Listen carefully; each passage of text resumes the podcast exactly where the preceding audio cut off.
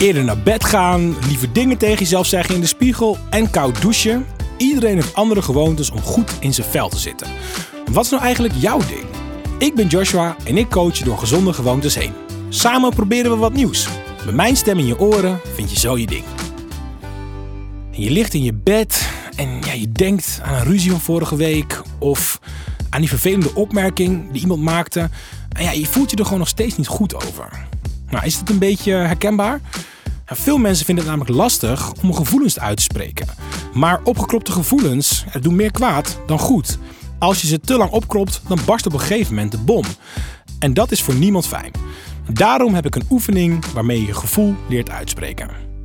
Je gevoelens uitspreken, dat is best eng. Want daarmee stel je je kwetsbaar op. Maar het is wel heel belangrijk, want ja, zo weet je omgeving wat er speelt en je kunt wat diepere connecties aangaan met mensen. Denk nu aan een situatie waarin je gevoelens niet hebt kunnen uitspreken. probeer te bedenken dat gevoelens er nou eenmaal zijn. Ze horen er gewoon bij en het is oké om van alles te voelen. Bedenk nu of het je helpt om je gevoelens uit te spreken. Het kan best lastig zijn om te besluiten.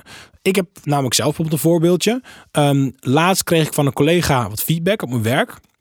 En die feedback die was wel constructief en die was terecht. Maar toch voelde ik me er een beetje onzeker door. Maar die onzekerheid had meer met mij te maken dan met mijn collega. En ja, ik wil wel dat die collega mij feedback blijft geven, weet je. Dat is belangrijk. Dus mijn collega die kon er eigenlijk op dat moment niet zoveel mee.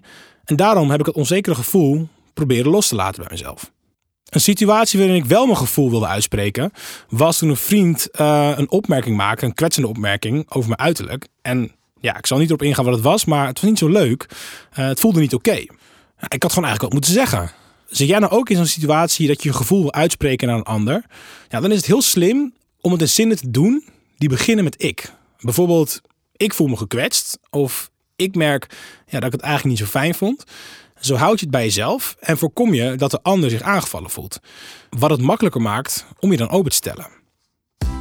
Dat was hem dan weer. Een nieuwe gewoonte die meetelt voor je gezondheid. Ligt jouw hart al op je tong? Nou, volgende week weer een kans op een nieuwe gewoonte. Meer tips? Ga dan naar zk.nl/slash goede relaties.